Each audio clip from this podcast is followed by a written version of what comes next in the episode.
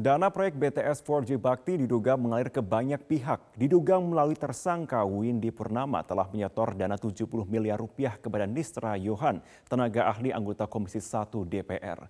Meski begitu, hingga kini Nistra Yohan belum memenuhi panggilan penyidik Kejaksaan Agung untuk diminta keterangan secara resmi. Mengalir sampai jauh, itulah fakta yang terjadi dalam kasus dugaan korupsi proyek Base Transceiver Station atau BTS 4G Bakti. Diduga ada banyak pihak yang turut kecipratan uang hasil pemberian fee. Diduga uang mengalir ke Komisi 1 DPR RI terkait penganggaran Kementerian Telekomunikasi dan Informatika Kominfo tahun anggaran 2021 dan 2022. Persisnya, terkait pelaksanaan proyek pembangunan BTS 4G Bakti. Realitas meminta konfirmasi ke beberapa anggota Komisi 1 DPR, namun semuanya kompak menjawab tidak tahu dan lupa. Rapat di Komisi 1 waktu itu? Lupa saya. Terkait kenaikan anggaran bakti itu benar Pak? Nggak tahu saya.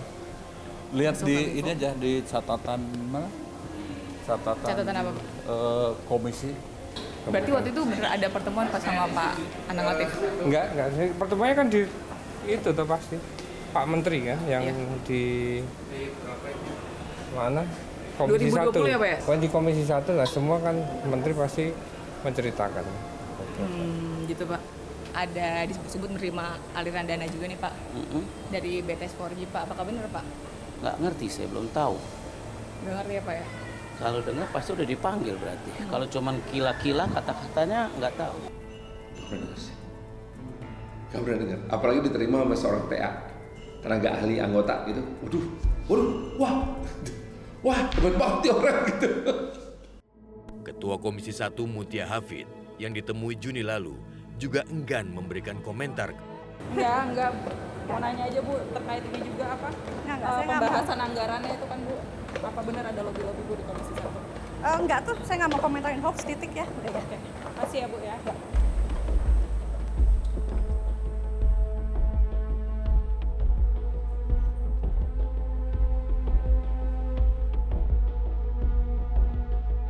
Anggota Komisi 1 DPR, Dev Laksono menyebut, naiknya anggaran Kominfo di tahun 2021 dan 2022 semata-mata demi mendukung program pemerintah yaitu percepatan transformasi digital.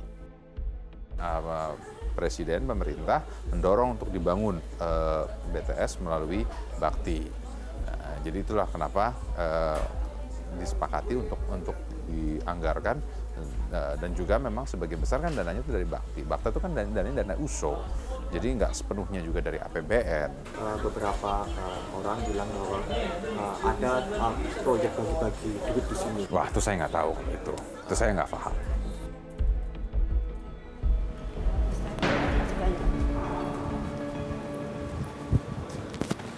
Yang dari, dari biaya penyelidikan itu Pak, kan kata Pak Sugiono, ke sejumlah anggota DPR itu benar nggak Pak? Realitas meminta konfirmasi tentang aliran dana korupsi BTS 4G Bakti kepada terdakwa Anang Ahmad Latif. Namun mantan Dirut Bakti ini tidak bersuara sepatah kata pun. Sedikitnya uang 243 miliar rupiah dialirkan oleh Irwan Hermawan kepada pihak-pihak lain. Atas nama keadilan dan transparansi hukum, sudah sepatutnya Kejaksaan Agung tidak tebang pilih dan terus menyelidiki aliran dana tersebut. Siapa pun yang terlibat aliran uang korupsi bakti patut diseret sebagai tersangka.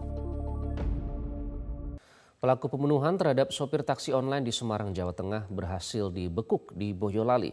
Pelaku niat merampok sopir taksi online dengan dalih butuh uang untuk biaya kuliah adik dan untuk biaya hidup sehari-hari.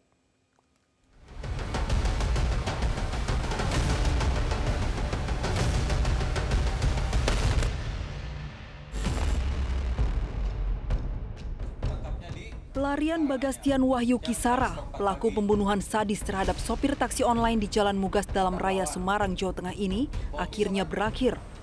Pelaku diringkus polisi di Boyolali saat hendak kabur menuju rumahnya di Kabupaten Karanganyar. Saat diringkus, pelaku masih membawa mobil minibus yang ia rampas dari korbannya, Fauzi Aribamar.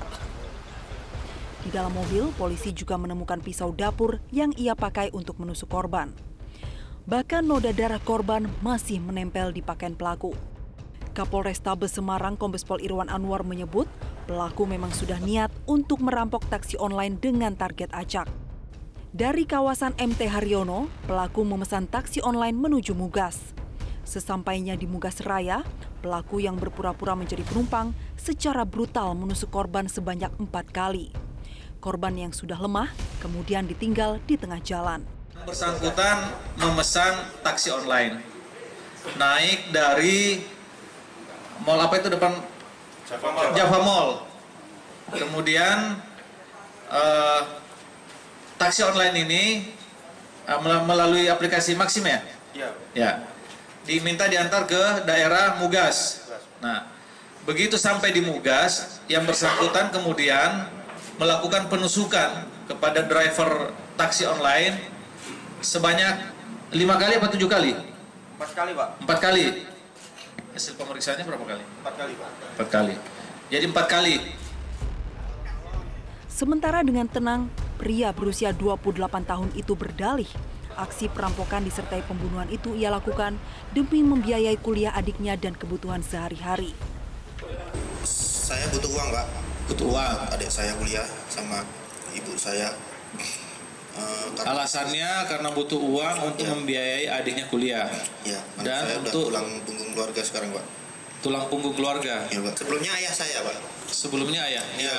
Layaknya mana sekarang? Di penjara, Pak. Penjara. Ya, Pak. Kasus apa? Iya pak. Kasus apa? Pak. Ganjal ATM pak. Ganjal ATM. Sekarang di penjara di mana bapaknya? Di Yogyakarta pak. Ganjal ATM-nya di mana? Di Yogyakarta. Di Yogyakarta juga. Nah, karena bapaknya terlibat pidana, kemudian di penjara, akhirnya uh, menjadi tulang punggung keluarga menggantikan bapaknya. Kan begitu? Iya pak. Kini Bagastian terpaksa harus menyusul ayahnya ke jeruji besi untuk mempertanggungjawabkan perbuatan sadisnya itu. Perkara pimpinan Ponpes Al Zaitun Panji Gumilang makin bertumpuk. Yang terbaru polisi mengusut dugaan pemalsuan dokumen tanah yang disebut untuk menjadi jaminan atas pinjaman uang yang dilakukan Panji Gumilang. Hal ini pernah disinggung Menko Polhukam Mahfud MD soal dugaan penyalahgunaan kekayaan Al Zaitun oleh Panji Gumilang.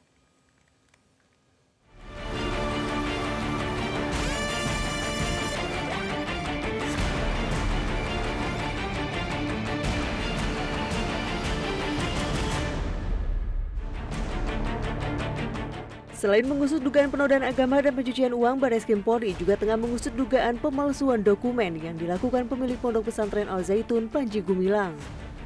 Ada dua saksi yang diperiksa dalam kasus ini. Kemudian melakukan interview saksi saudara S dan saudara AH di Direktorat Tindak Pidana Umum dan Direktorat Tindak Pidana Eksus Baris Krim Polri terkait dugaan tindak pidana pemalsuan dokumen akte tanah yang diagunkan oleh saudara PG.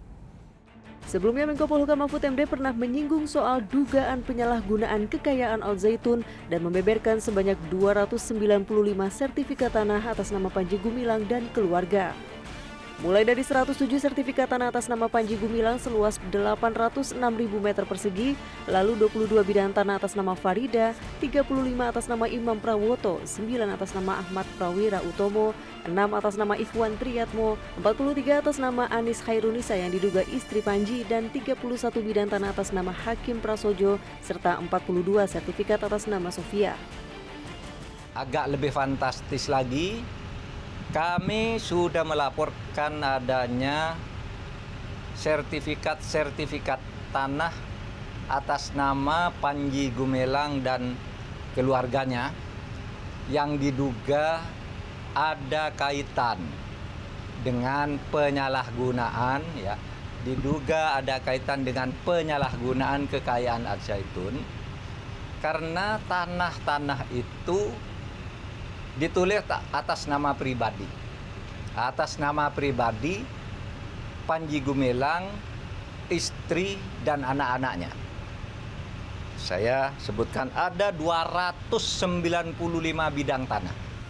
Pada tahun 2011, Panji pernah dipenjara dalam kasus pemalsuan dokumen.